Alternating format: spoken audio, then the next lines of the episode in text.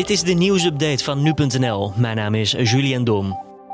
De Amerikaanse president Donald Trump heeft Chris Krebs, de hoogste cyberveiligheidsfunctionaris van het land, ontslagen.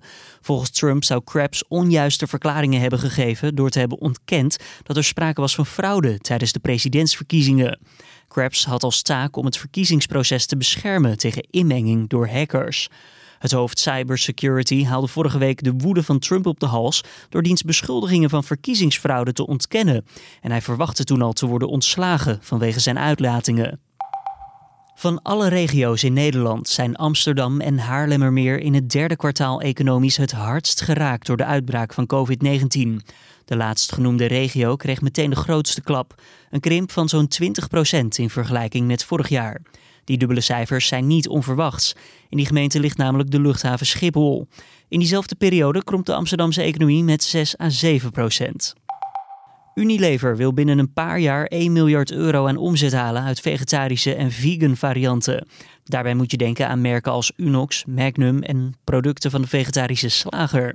De groei moet vooral worden gehaald door een hogere omzet bij dat laatste merk. Maar sauzen en ijs spelen daarbij ook een grote rol.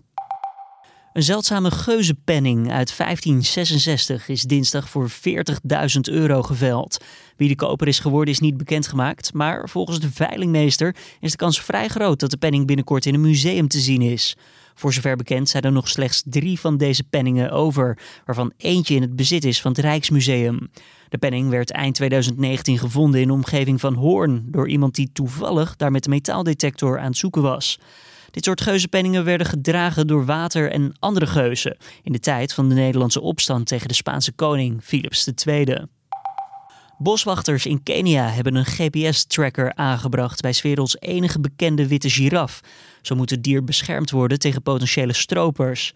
Het dier leidt aan leucisme, een ziekte waardoor er sprake is van verminderde pigmentatie. De aandoening lijkt op albinisme, maar is wel degelijk anders. Naar verluid is het de laatste witte giraf ter wereld nadat eerder twee van zijn familieleden werden vermoord in maart. Boswachters denken dat deze giraf hetzelfde lot staat te wachten als deze niet extra beschermd zou worden. En dit was dan weer de nieuwsupdate.